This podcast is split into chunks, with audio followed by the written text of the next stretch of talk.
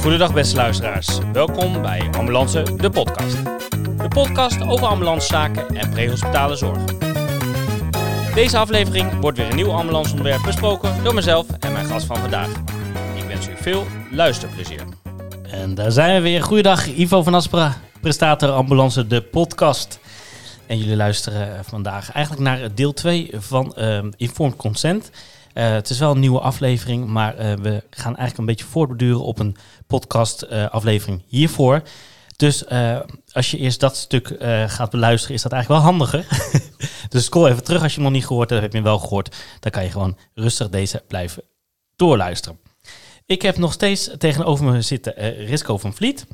En ehm Duska is ook blijven zitten. Dus hartstikke leuk. Die gaat in deze podcast ook meepraten, omdat ze eigenlijk ook het onderzoek heeft gedaan. Dus die kan ook heel goed over meepraten. Toch nog even heel kort voorstellen. Duska die werkt bij Hollands Midden, is bachelor medische hulpverlener, zit ook op eigen titel hier. Ambulancechauffeur geweest, chauffeuse moet ik zeggen. En ehm, ook altijd docent bij de academie geweest. Doe je dat nog steeds eigenlijk? Ja, dat doe ik ook nog steeds. Ook nog steeds, Ja, hartstikke ja leuk. omdat het zo leuk is. Ja, voor de mensen, eh, die dame met die hele mooie rode krullen, dus je ziet haar wel eens eh, lopen, denk ik. Het is een bekende in de ambulanceland. Mensen die niet in de ambulancebranche werken, neem aan, ze heeft mooie rode krullen.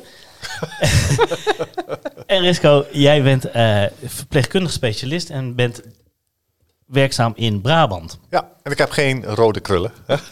Nee, nee, je bent eh, mooi rondkaal, zeg Ja. maar. Zelfde kapsel eh, hebben we. Eh, ja, je bent verpleegkundig specialist en bent ook echt wel betrokken bij wetenschappelijk onderzoek. Ja, Kan jij eens aangeven wat nou jouw taak is en wat jij doet en wat, wat jij doet met wetenschappelijk onderzoek? En binnen onze RV. ja, eerst ben nu eh RV. Ja, binnen onze RV werk ik, heb ik een soort parttime jobje. Eh, daar werk ik ongeveer drie dagen op straat. En één dag werk ik ehm, ehm, voor niet patiëntgebonden taken. En daar doe ik eh, het coördineren van onderzoek binnen onze ambulance dienst. Maar één dag op straat bedoel je op de ambulance, hè? Ja, uiteraard. Ja. Ja. ja. En, En, en, eh, heel even, is dat echt ambulance of werk je dan een solo-eenheid als verpleegkundig specialist? Ja, wij in Brabant Midwest-Noord werken met eh verpleegkundig specialist of een PA op straat. En wij rijden eigenlijk altijd eh, alleen. Dat Oh, klopt. Ja, Ja. dus je werkt niet meer eh, met een collega? Nee, al drie jaar niet meer in een ambulance setting, maar wel ja, in mijn eigen autootje. Ja, leuk. dat is een andere tak van sport, maar super interessant en ik kan helemaal mijn ei daarin kwijt. Dus dat is geweldig. En mijn eigen passie is wetenschappelijk onderzoek. Dat is een beetje aangejaagd door mijn opleiding. En, eh, maar binnen onze RFV heeft dat nog niet echt eh, een positie. En eh, het is wel een van de dingen die, waar steeds meer aandacht voor gaat komen. En ehm, nu hebben wij in onze RFV bedacht van er moet een coördinator komen. En die, die gaan al die taken verdelen en alle vragen beantwoorden die er komen. Ehm, wij hebben in Brabant geen universitair ziekenhuis die regelmatig een vraag aan ons stelt. Dat is misschien bij jou, Duska, wel wat anders, hè? Ja, ja we hebben een eh, afdeling onderzoek en Ja. ontwikkeling binnen de dienst. Ja. Ja. Maar ja, ja, jullie hebben, of ja, daar is ook veel contact met promovendi die vragen willen stellen in, het, eh, ja, in ons gebied. Eh, en dat hebben wij in Brabant eh, nog niet. Dus, eh, maar langzaam begint dat te komen. En we zien ook wel de noodzaak en de voordelen daarvan. Ja, en de reden dat, eh, dat ik jou eigenlijk heb uitgenodigd is ehm, dat wetenschappelijk onderzoek, eh, nou dat wordt gedaan. Dat wordt ook op de ambulance gedaan natuurlijk. Maar daar is soms ook nog wat, wat weerstand tegen. Of we moeten allemaal moeilijke schema's gaan volgen. Of we hebben het gevoel dat dat te veel tijd kost. En ehm, we hebben het over informed consent hebben. Hè? Dus dat betekent ook dat je eh, Ja. de patiënt daar eh, toestemming om moet vragen en moet voorlichten. Ja. En daarom is het denk ik mooi om het, dit te belichten van hoe zit het nou met wetenschappelijk onderzoek. En ja, begrijp je de emoties en eh, hoe kan je dat het beste aanpakken en hoe kunnen we Nou, dat het beste eh, doen? Inderdaad, een hoop vragen die je zo in één keer krijgt. Ehm, Ik gooi hem er maar in, maar Ja, ja. nee, dat is helemaal goed. Ja, de, de reden waarom ik hier zit en waar, dat ik jou had gevraagd, en eh, jij hebt dit gekoppeld aan, eh, aan de, de eerdere podcast, en eh, dat raakt zeker elkaar, is dat ik naast mijn werkzaamheden bij de RFV ook eh, bij Diagram werk. Dat is een eh, cardiologisch research centrum. En ehm, zij doen heel veel wetenschappelijk onderzoek, vaak klinisch. En eh, ze hebben ook wel onderzoeken gedaan in de prehospitale setting bij de ambulance diensten, maar vaak eh, heel klein. En nu is er een, eh, ja, een best wel een groot onderzoek wat, waarbij elf ambulance diensten betrokken zijn. En er ligt gewoon veel werk. En ze hebben mij gevraagd of ik bij hen kan komen werken. Dus ik, ik ben een soort vertaler van de wensen van de onderzoeker naar de praktijk in de ambulance dienst. Oké, dus dan- de onderzoeker wil iets onderzoeken. En jij vertaalt hoe ze dat Ja, binnen... hoe, ja, hoe ze dat het beste kunnen doen, eh, wat je wel moet doen en wat je niet moet doen. Want het, we, ja, we werken toch in een, eh, in een eh, mooie wereld, maar het is een aparte cultuur. En ehm, eh, als klinische wetenschapper heb je allerlei ideeën, maar dat werkt gewoon soms bij ons niet. Nee. Of juist wel. En, en dit gaat dan, of ja, ik, ik heb het opgemerkt nu bij de Celebrate-studie, dat er zijn veel aspecten die je van tevoren gewoon niet kan bedenken. Oké. Ja. Vertel eens, wat is die studie? Want het zegt mij helemaal niks. Nee, Amsterdam eh, doet niet mee, dus ik weet er wel van. Ja, Nee, ehm, dat is bij STEMI-patiënten. Die eh, krijgen in de acute fase krijgen ze een extra bloedverdunner eh subcutaan geïnjecteerd. En ehm, ik zou even uitleggen, Ja. want niet iedereen die is, eh, de meeste zijn wel medisch geschoold. Maar STEMI is eigenlijk hè, mensen met een hartinfarct en dat wij dat kunnen zien op het ECG. ja, Dus dat we uiteindelijk echt op het ECG kunnen zien dat er elevaties zijn en dat iemand een hartinfarct heeft. En dat wij dus ook eh, medicatie moeten gaan toedienen. ja, ja, om te voorbereiden voor de PCI, hè, voor de behandeling voor het hartinfarct, om te dotteren. En ehm, dan ben Ja. ik hem even kwijt. Ja, Oh ja, ja.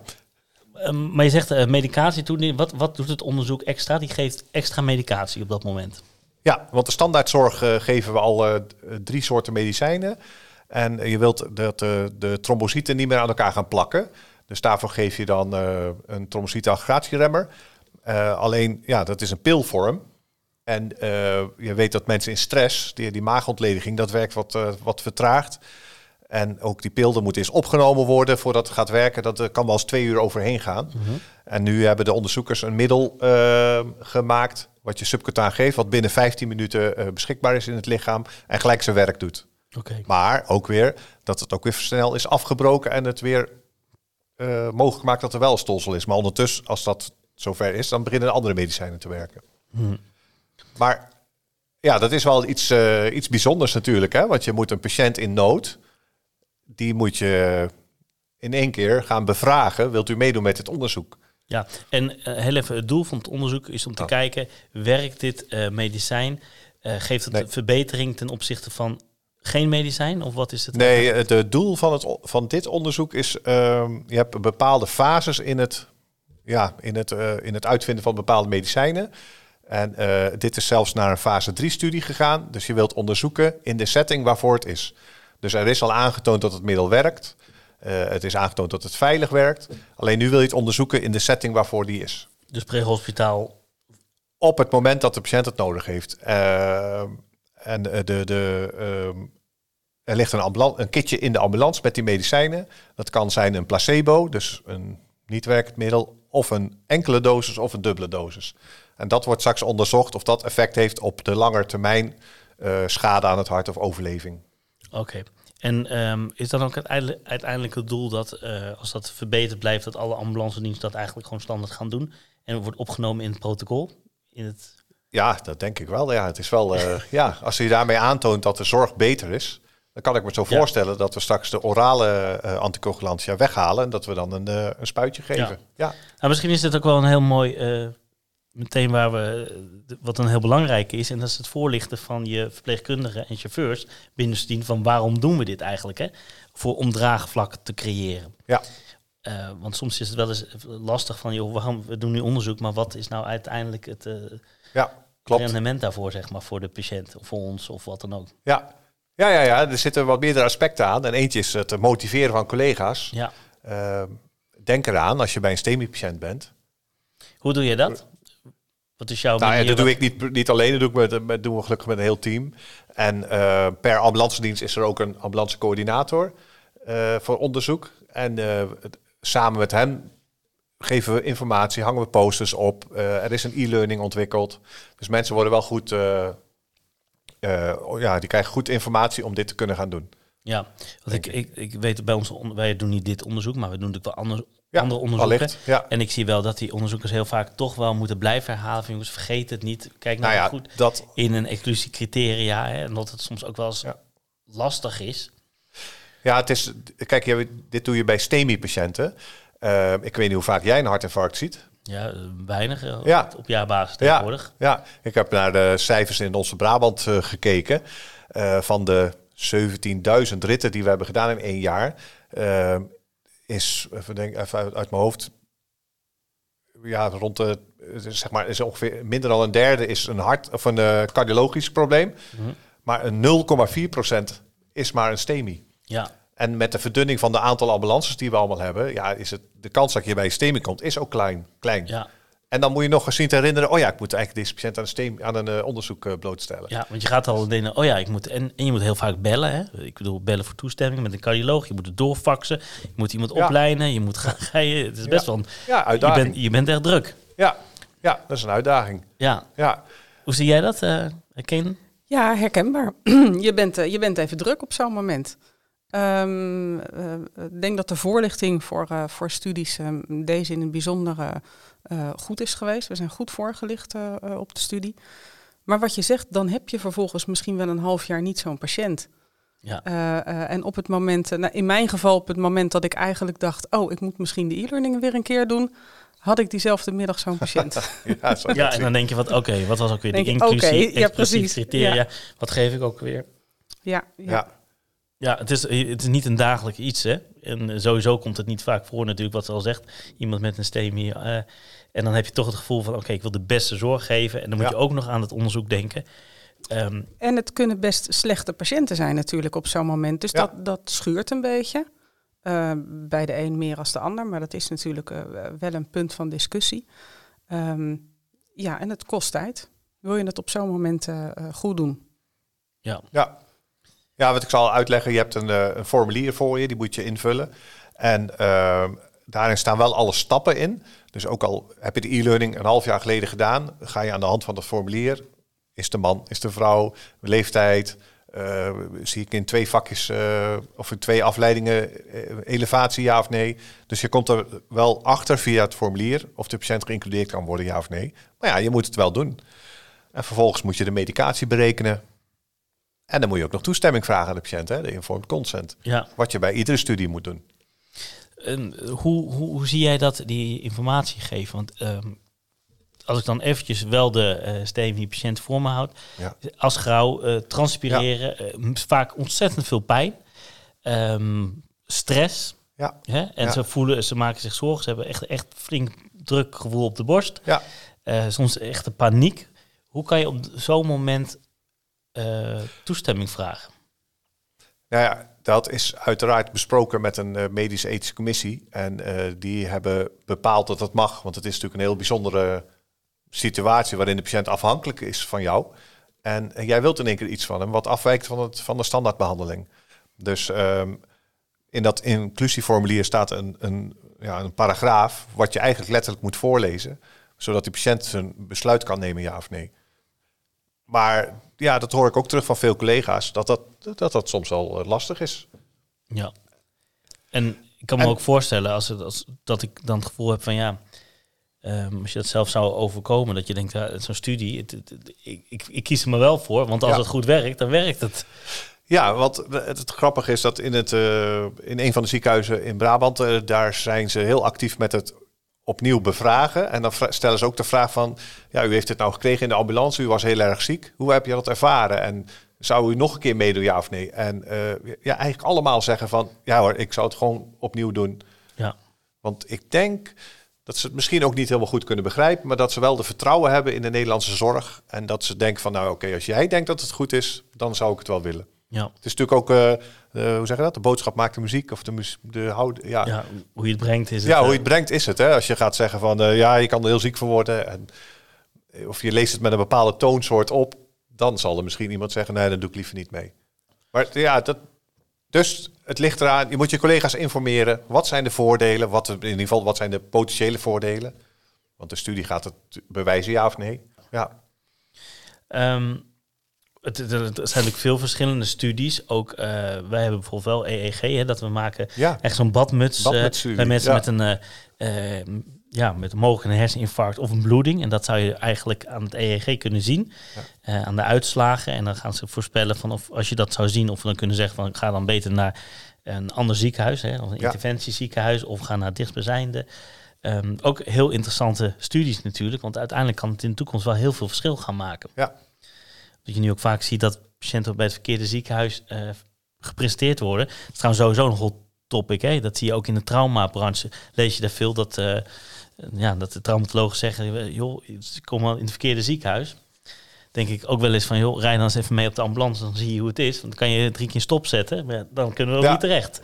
ja. Maar dat is wel weer een leuke topic voor een andere podcast, denk ik.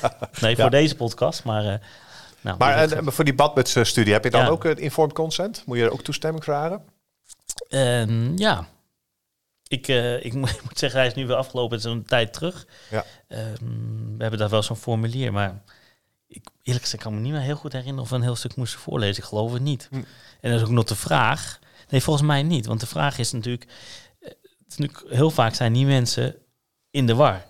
Hè? Op je hebt apraxie, afasie. eh, Ja, ja, ja. in hoe, Ja. hoeverre is iemand met een herseninfarct of een bloeding in staat om daar toestemming op te geven? Dus volgens mij hoeft dat op dat moment niet, omdat ze niet betrouwbaar eh geacht werden. Dat is ook wel een interessante Ja. hoe dat dan bij zo'n eh, ethische commissie eraan toe gaat met zo'n studie en het eh informed consent te verkrijgen. Voor die studie Ja. wat eh ja, Ivan net benoemd. Ja. Ja. Ja. ik weet niet 100% hoor, maar ik, ik meen me dit te herinneren. Dus eh, als ik iets fout zeg, eh, Ja, dit is natuurlijk wel een medicatiestudie, dus daar zijn de, streng, eh, de eisen veel strenger als een apparaat of, of, een, ja, of een observationeel studie. Dat is natuurlijk wel verschillend. Ja. Hoeveel jaar eh, draait deze studie? Ehm, nou, nu net iets meer dan een jaar. En eh, we hadden verwacht dat het, ehm, even kijken, deze zomer zou aflopen, maar dat ga- gaan we zeker qua inclusies, maar dat gaan we niet halen. Maar ehm, de- dus de verwachting is tot volgend jaar december of, of zomer december. Oké, en dan heb je een elf diensten. Dat is best wel een hele grote studie. Nou, het is hè? nog groter, want het is zit in, eh, in Hongarije en in Tsjechische Republiek en in, eh, even kijken, in Frankrijk gaat het worden uitgedraaid, Amerika, Canada. Dus het is echt wel een enorme studie hoor. Ja. Maar dat heeft natuurlijk mee te maken, je hebt maar zo weinig stemies. En van die stemies heb je misschien maar 20% kans dat mensen voldoen aan de inclusiecriteria. ja. Door wie wordt zo'n onderzoek geleid uiteindelijk? Wie is dat zeg maar eindverantwoordelijk? Welke universiteit eh, hebben we het dan over? Ja, dit is dus een eh, Of een farmaceutisch eh, gesponsord onderzoek. Ja. Dus er is een, een organisatie in Amerika die heeft dit middel ontwikkeld Mhm. en die wil de studie doen. Die zoekt een organisatie die de studie kan uitdragen. Dat is dan Diagram. En eh, ja, samen maken we dat, eh, die studie helemaal compleet. Oké, en jij bent ehm, dus eigenlijk eindverantwoordelijk binnen Nederland, klopt dat? Nee, ik niet hoor. Nee, nee, nee. Ja, ik, heb, ik heb meer een adviserende rol. Ik heb een deel van het, van het project heb ik, eh, onder mij, samen met een collega. Oké, Ja. en jullie zijn wel degene die de contactpersonen zijn voor alle ambulance diensten? Ja, dat proberen we wel. Ja, inderdaad. Oké, en zie je, ehm, dat vind ik ook wel leuk, we hoeven geen namen te weten, maar zie je grote verschillen binnen ambulance diensten? Hoe, ehm, hoe sowieso gereageerd wordt of hoe of mensen wel of niet eh, bereid zijn om daar mee te werken? En stel dat ze het niet zouden doen, zit er een soort verplichting aan? Hè? Ik bedoel, of zeggen ze gewoon, ik ben het vergeten, maar Ehm, ja, ik weet niet zo goed wat je bedoelt eigenlijk. Eh, eh, of ambulance diensten mee willen doen, ja nee, of nee? kijk, Wat zie, je? grote verschillen binnen diensten? Hè? Bijvoorbeeld, eh stel Oh, ja. dat Rotterdam Amsterdam zou meedoen, zou, zie je bij Rotterdam een heel ander gedrag dan bij Amsterdam of andersom. Op die manier bedoel ik. Ja. ja, er zijn wel verschillen, maar of dat ook door gedrag komt, eh, kan ik me niet zo eh, vinden hoor. Nee. Nee, ja, vind ik een beetje lastig. Krijgen jullie veel, veel vragen? Want elke dienst heeft zeg maar iemand die, ehm, nou bij onze dienst ook, hè, we hebben iemand aan wie we onze vragen Ja. kunnen stellen over deze studie. Eh, komen die vragen uiteindelijk ook bij jullie terecht? Ja, dat zijn we nu een beetje aan het ontwikkelen. We willen dat meer samen gaan doen. Eh, ehm, we hadden gedacht, of er is gedacht van we gaan die eh ambulancecoördinatoren eh, informeren en dan blijft het daarbij. Maar je ziet gewoon dat het herhalen van boodschappen en, het, en het, de awareness blijven prikkelen, dat dat heel belangrijk is. En eh, dus eh, we gaan meer samenwerking zoeken. We hebben, onlangs hebben we een eh, ambulancecoördinatoren bijeenkomst gehad. Hoe loopt het bij jou? Waar loop jij tegenaan?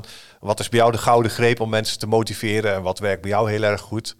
Dus zo proberen we mensen te, ja, te, proberen we te ontdekken wat goed werkt. Want het is ja, voor Nederland ook een vrij nieuwe situatie. Zo'n groot onderzoek binnen meerdere diensten. Ja, en, En- en heb je nou bij, want jij bent een soort schakel tussen onderzoekers en de ambulancezorg. Ja. Is de ambulancezorg daar dan heel anders in dan in andere facetten van de zorg? Ja, maar kijk, eh, vaak in ziekenhuizen is de, de arts de verantwoordelijke voor, de, voor het onderzoek.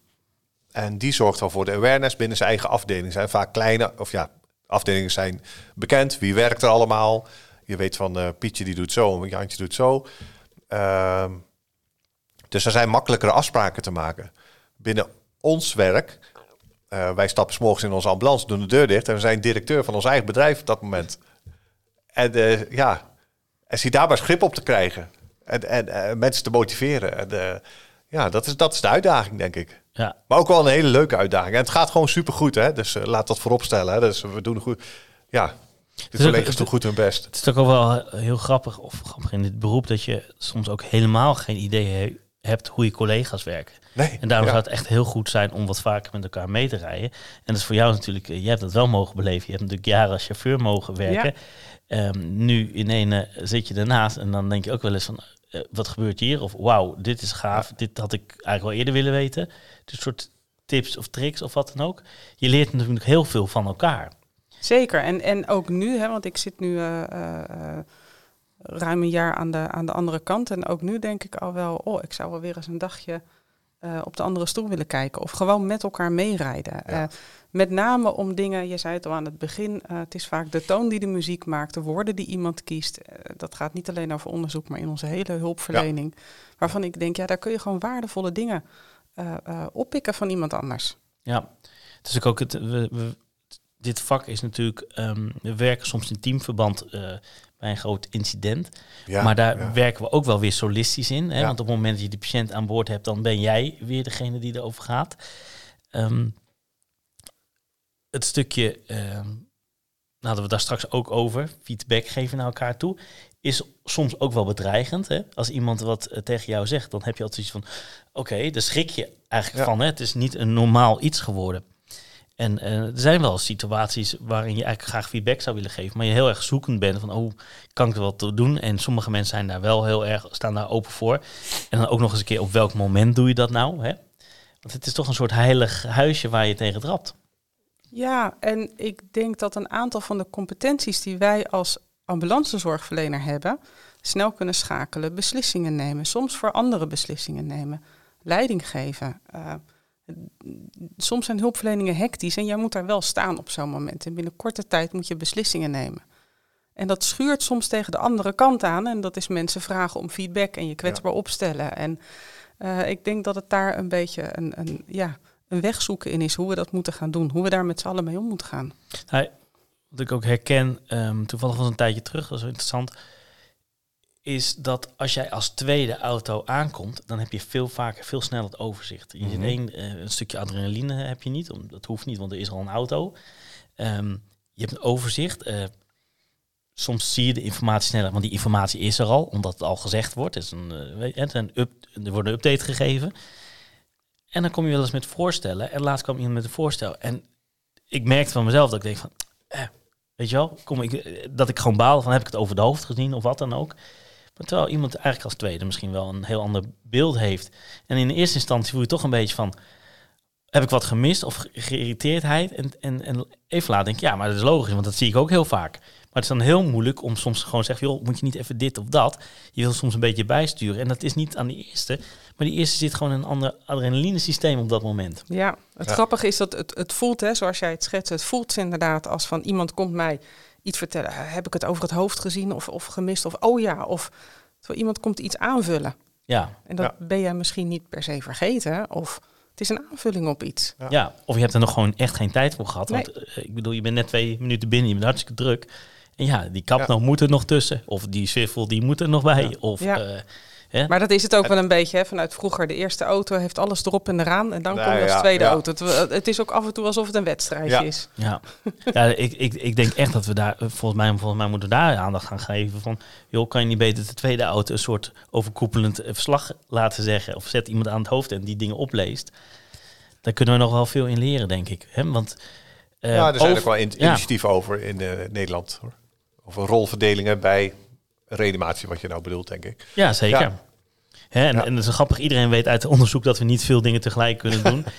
maar we ja. blijven het allemaal maar verlangen en willen als ja, eerste auto. Ja, een, een, reanimatie van een natte pasgeborene sta je inderdaad eh, te BLS'en met drie om één. En vervolgens wordt er ook nog een overdracht van je verwacht. Ja. Ja, dat gaat natuurlijk Gekhuis. Ja. nergens over. nee, Nee, dat kan niet. nee. Nee, maar er zijn wel steeds meer ontwikkelingen inderdaad, eh, ehm, dat we dat inderdaad niet kunnen. Met allemaal mooie trainingen die ons dat bewust worden, eh, maken. Ehm, maar vervolgens de vertaling in ons dagelijks werk, ja, dat is, eh, Ja. duurt even. Duurt eventjes. En als je dan bezig bent en je moet ook nog aan onderzoek denken op dat moment, is dat wat lastig, hè? Wat een mooie brug. Ja. Geweldig. Ja. Eh, je- je- ja, jij, jij doet, je hebt wetenschappelijk onderzoek gedaan. Jij hebt het nu ook gedaan. Jullie hebben al twee wetenschappelijk onderzoek gedaan, hè? Of een onderzoek.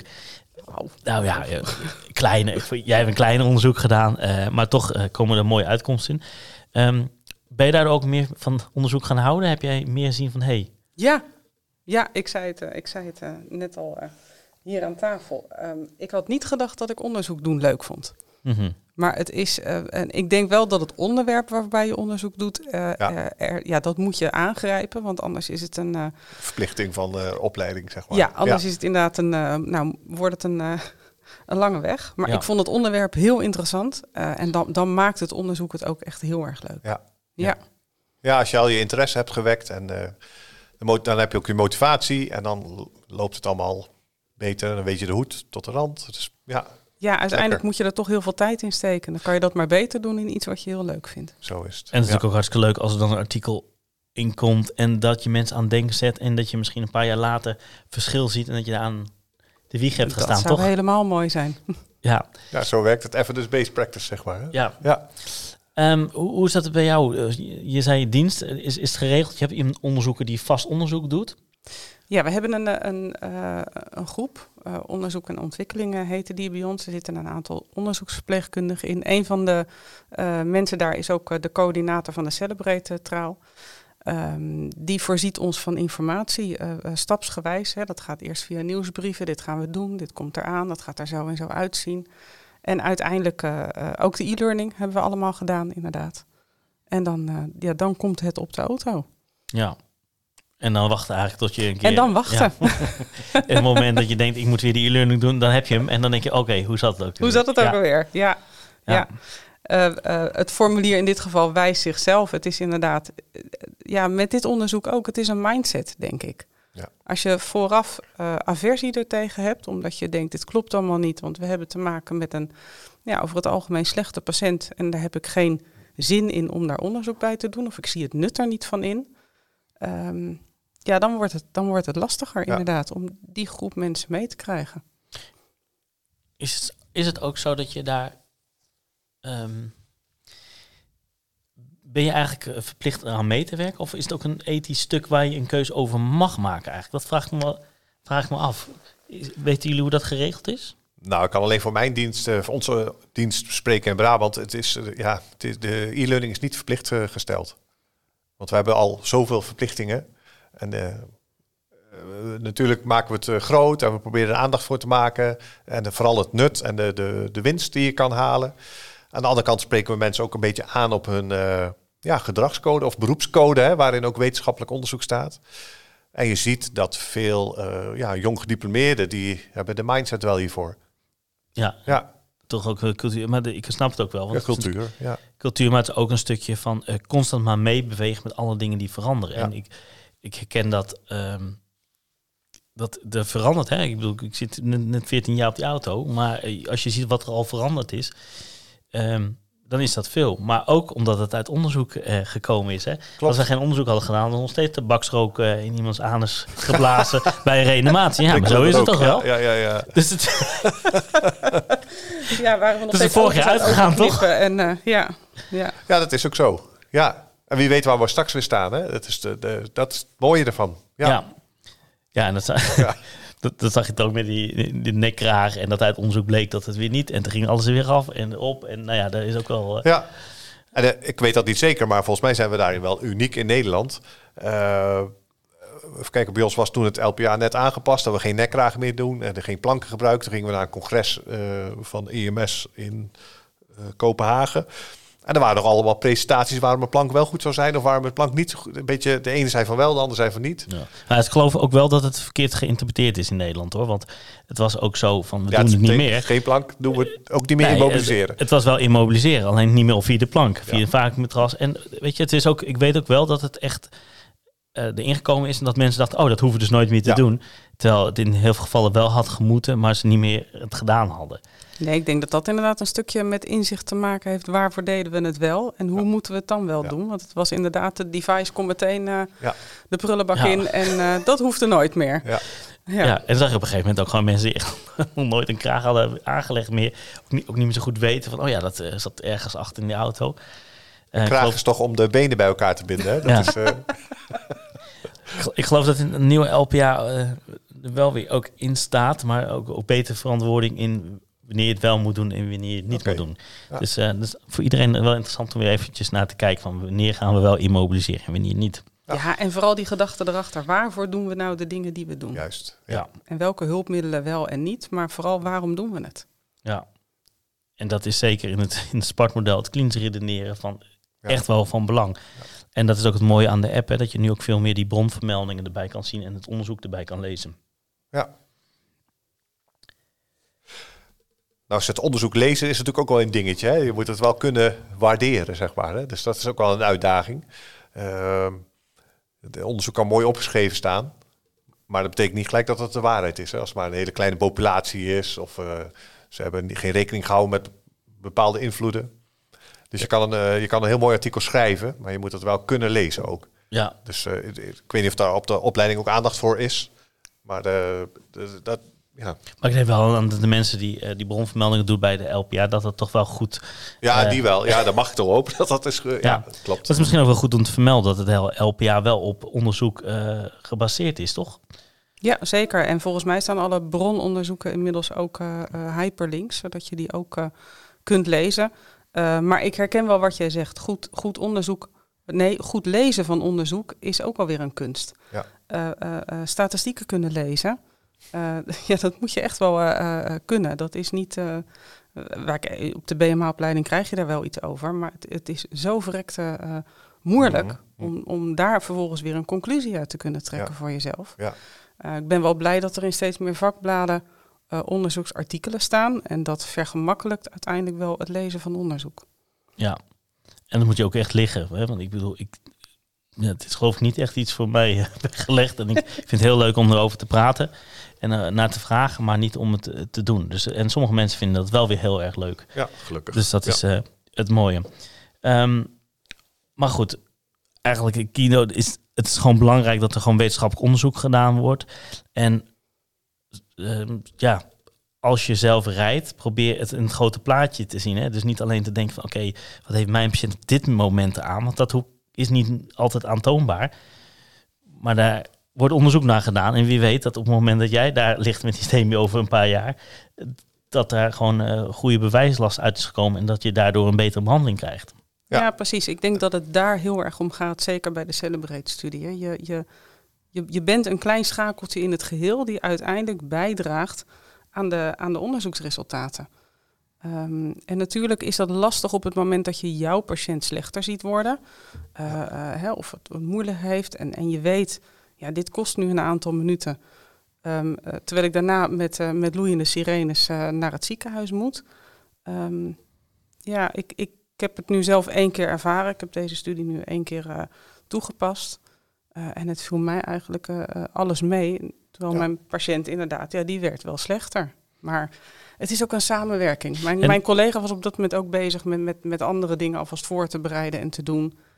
Ja, Er staat er ook dan in wanneer je dit moet vertellen. Want ik bedoel, je- als je weet dat je gewoon iemand snel in de ambulance hebt en dan ga je rijden en je gaat het dan voorlezen en geven, is dat dan te laat? Of ik bedoel, uiteindelijk is elke Ja, ik, ik, de, de- de- toen ik het, eh, ehm, nou ja, je hebt uiteindelijk je, je in- en je exclusiecriteria die je doorloopt. Ehm, en uiteindelijk als een patiënt geïncludeerd is, dan ga je het hele verhaal van informed consent eh, eh, voorlezen of vertellen. Maar dan kijk ik ook even naar de overkant of ik het wel juist zeg, ja? Ja, kijk, ehm, als je het niet doet, dan, doe je, dan, dan heb je gewoon niks. Hè? Dat is logisch. Ja, wanneer doe je het goed? Eh, we weten uit bijvoorbeeld uit het onderzoek wat ze in het IJsland hebben gedaan, de door-to-balloon tijd, dat is ook niet vijf minuten. De, eh, eh, de- soms is dat wel eens 40 minuten. Ja. Of is de kamer niet vrij. En in al die tijd dat, je zit te wa- dat de patiënt wacht voordat die sheet in zijn lies gaat of in zijn arm, kan het middels zijn werk doen. Dat is de hypothese in ieder geval. Hè? Dus Ja. ehm, ja, Dus je zou ook eh, bewijzen van het... in eh, de garage van het ziekenhuis nog kunnen doen. Als je weet van de patiënt, het duurt nog 20 minuten voordat hij eh, op tafel gaat. ja. Ja. Ja. Maar ja, dat is dus het, ons, oh, sorry, het onzekere ervan. Je weet, ja, dat weet je niet. Nee. Ja, dat maakt het wel lastig. En eh, heb, je, heb jij tips voor eh, mensen hoe, je, hoe daarmee om te gaan? Of zeg je gewoon goed inschatten van dit is het moment dat ik het even kan pakken, kan ik vertellen. Ja, Ehm, want Ja. je zegt officieel moet je het helemaal voorlezen. Ehm, maar, maar zou je het ook eh, in een paar woorden kunnen zeggen van luister, we doen het onderzoek. ja. Of zeg je van het is echt wettelijk verplicht om ja, hem zo ja, voor te volgens lezen? de MHC moet je het gewoon moet je het voorlezen. In de praktijk zeggen we soms als tegen collega's van ja, zeg het in je eigen bewoording. ja. Het gaat om de boodschap. Hè? Je krijgt nieuwe medicijnen. Dat is getest, maar je zou er een allergische reactie op kunnen krijgen. Aan de andere kant, van de heparine, daar kan je dat ook krijgen, maar dat Ja. zeggen we niet. En eigenlijk alle, eh, de bloedstolling is anders. Eh, u kunt een blauwe plek krijgen.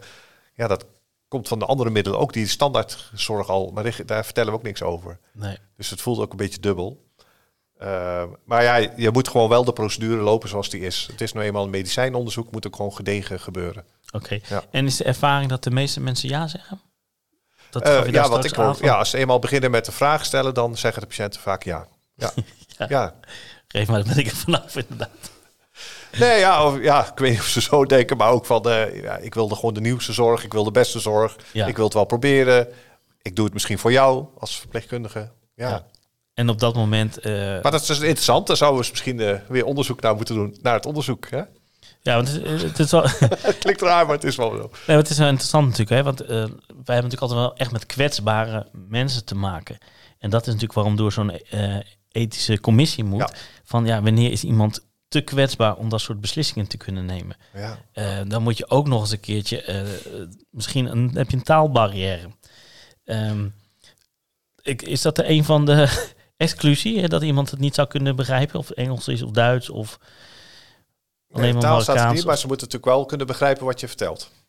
Dat, dat geldt natuurlijk Ja. sowieso voor het hele informed consent, ook Ja. binnen ons gewone vak. Je moet kunnen inschatten of iemand wat jij vertelt eh, kan begrijpen. Ja. Eh, en ik denk, eh, er staat hier een heel verhaal bij wat je moet voorlezen. Daar staan best wel wat woorden bij waarvan ik denk, nou ja, ik weet niet of iedereen dat begrijpt. En dan moet je wel je eigen woorden kunnen kiezen. Ja. En ik denk als jij een patiënt hebt waarbij je inschat, eh, eh, eh, die begrijpt hier eh, niet veel van, dan moet je het niet doen. Nee. Ja. En dan schrijf je gewoon in je ritformulier ook van niet meegedaan aan de studie om deze en deze reden. Ja, volgens mij kun je dat ook aangeven. Ja, het is, het is ook een. Eh, je moet wel even goed kijken bij zo'n studie als dit ook wanneer je het moet, eh, eh, moet doen. Want bijvoorbeeld de chauffeur heeft hier ook een belangrijke rol in. Hè. Die moet ook zijn handtekening zetten. Die moet, eh, Ja. Je moet samen kijken naar, eh, naar het gewicht en de medicatie enzovoort. Ja. Oké, dus een handtekening voor controle van Ja. dit hebben we gedaan. Nou ja, meer als bewijs, als getuige. Dat is eigenlijk best wel bijzonder, hè? Want ik, ik zit even te denken hoe dat in andere situaties is. Bewijs, getuigen. Ehm, w- wanneer je collega echt als... Want jij hebt natuurlijk als eh, verpleegkundige BMH eh, de verantwoordelijkheid, eindverantwoordelijkheid. Eh, in, hoe, in hoeverre is je collega de getuige? Mhm. Uiteindelijk in heel veel gevallen is dat zeker zo. Ehm, ik zeg ook wel eens bij een intoxicatie, hè, dat als wij iemand thuis laten of op straat laten, dan is het soms ook handig om een getuige daarbij te hebben. En ik heb wel eens als de politie is, dat je bijvoorbeeld een stamnummer vraagt van zo'n politieagent van joh, ik heb in deze toestand denk ik hem achtergelaten. Hij kan er goed staan, hij kan lopen, hij begrijpt het. Want over tien minuten weet je niet, gaat hij misschien de bar in, drinkt hij nog zeven bier. En dan eh, gebeurt er iets. En dan kan je als eind van de voerlijk, ja, jullie zijn erbij geweest, die hebben me achtergelaten. Ja. Ja. Hè? En dat, eh, dat geef ik ook als tip voor eh, rapid responders. Maak ook gebruik van iemand die eh, daar ook getuige van is geweest. Ja, is het ook voelt een wel- beetje Amerikaans-achtig, hè? Maar het, het is wel, eh, ja... Nou ja, ik, ik zeg altijd wel, neem wel veiligheid. ketenpartners. Hè? Ik ga Ja. niet de buren belasten. Je moet wel echt even een, een, een huisarts of een, Ja. misschien ook een overdracht naar een huisarts of een politieagent of eh, iemand. Want je kan niet, denk ik, eh, je moet daar niet buren verantwoordelijk voor maken dat die getuigen zijn. Nee, en uiteindelijk moeten we er ook van uitgaan dat jij als zorgprofessional gewoon je werk goed doet. Ja. En eh, dat jij niet dingen opschrijft die je niet hebt gedaan. Dat jij gewoon eh, eh, eh, opschrijft op je, op je ritformulier in welke toestand en met welk verhaal jij die patiënt dan thuis hebt gelaten. Ja. En ik denk dat we wel, eh, ja, zoals ik het zie in elk geval, moeten uitgaan van het feit dat we allemaal goede zorgverleners zijn. Ja, zeker zo. Maar je- d- dat is eh, zeker zo. Alleen heb ik ook wel eens eh, hier in, in Amsterdam, als je weet hoeveel mensen er in de gracht belanden hè, eh, en drie dagen later worden gevonden, als je daarbij bent geweest, is dat niet prettig. En ehm, hè, dus je wil soms voor jezelf, voor je eigen gemoedstoestand ook wel iemand hebben die van, hé, hey, ik heb dit ook gezien. Want als je daarna problemen krijgt, dan, dan sta je wel heel alleen daarvoor. Ja. Ehm, ik weet niet of dat helemaal juridisch allemaal mag en zeg, wat ik nu zeg. Maar ik vind het zelf wel logisch klinken. Dus eh, ik doe het gewoon in elk geval. En ik hoor graag als het niet mag van Ja. eh, mijn NMA. Bij deze. Mooi. Toch toch een beetje eigen onderzoek, toch? Nou, het zou wel eens leuk zijn om te kijken naar, het, zoals jij dat dan opschrijft op je ritformulier, hoe zou iemand anders dat dan Ja. opschrijven? Ja. Daar kunnen we denk ik ook nog wat eh, van elkaar eh, Ja. leren. Nou, ook inderdaad. daarin maken we allemaal ons eigen. Ja. Nou ja, jij zei het al eerder, we zijn een soort koning in onze eigen, in onze eigen ambu. Daar doen we ons ding. Ja. Ehm, maar hoe en wat doen we dat dan eigenlijk? Ja, want het is ook wel grappig dat mensen die niet in die branche werken, maar als we het ritformulier, als je het daarover hebt, en je vraagt aan iedereen waar schrijf jij dat op en waar schrijf je dat, dan krijg je echt totaal verschillende antwoorden. Zegt ze, hè, schrijf je dat daar? Nee joh, dat schrijf ik altijd daar. En dan zit andere mensen, hè, schrijf je dat daar? Ja, ja. Ja. hoe schrijf jij dat op? Oh, ja. Ja, ja. ja. ja dat is toch allemaal wel, eh, er zitten grote verschillen. En dat is natuurlijk ook het, het mooie, maar ook het gevaar van het solistisch werken. En dat is ook natuurlijk, hè, als rapid responder, dat, ehm, dat zeg ik altijd. Kijk, als je dat in de nacht doet en je bent wat minder scherp, ja, dan kan je wel eens wat missen. En dat is eh, ook als je gewoon met z'n tweeën werkt. Maar dat ben ik mezelf wel eens bewust dat ik iets niet gedaan heb en dat ik gelukkig een collega zegt, joh, moet je dit nog doen? Of dat je weggaat bij een patiënt dat je denkt, hmm, goh, ik ben vergeten dit uit te vragen. Mhm. Hè? Dat is het, het, het- ook het risico van solistisch werken en het of met Ja, z'n moet tweeën je werken. Of, Goed bewust zijn wat Ja. je doet en wat je niet doet. En ja, wat en je kan en wat je niet kan. Hoe, eh, Ja. Even een, een, een vraagje over het onderzoek. Want als je, eh, doe je daar ook als rapid of als eh VSRPA'er mee met het onderzoek? Als je in je eentje bent? Ehm, ja, er wordt verschillend mee omgegaan, maar wij hebben geen koelkast in onze auto. Dus wij kunnen daar niet aan meedoen, maar ik kan wel de patiënt alvast ja, voorbereiden van eh, er is dit en dat. En, ja, we hebben zakkaartjes, daar staan alle criteria op. Dus we kunnen het alvast het informed consent kunnen we afnemen met de patiënt. Oh ja. En zodra er dan de auto binnenkomt, dan eh, ja, deze patiënt is of die wilt meedoen. En dan doen we het samen. Ja, zeker. ja, Dus dan, maar daar wordt verschillend mee omgegaan in Mm. Nederland hoor. De een heeft wel een koelkast, de ander niet. ja, of de ene gaat wel op eh, überhaupt pijn op de borstklachten en de ander niet. Hè? Want ik weet Dat dat, kan ook, hè? gewoon in principe eigenlijk de rep-responders als de kl- ingangsklacht pijn op de borst is, Ja. eh, daar niet naartoe worden gestuurd. Omdat de grote kans is dat toch iemand mee moet. Ja, ja, ja, dat is net hoe, je, hoe, hoe ja, jullie organisatie dat heeft ingericht. Ja, het, is, het is net overal anders. Als je de eerste bent, dan ja, Mooi hè, overal anders. ja. Ja, ja er is niks zo veranderen of eh, de grote verschillen tussen alle ambulance diensten. En toch zijn we allemaal hetzelfde en lopen tegen dezelfde problemen aan. juist. Ja. En dat is dus ook het mooie. Dus, ehm, en krijg je gewoon denk ik over het algemeen goede zorg van, eh, van ons. Zeker, ja. Wat vind jij persoonlijk nou de krachtigste onderzoeken?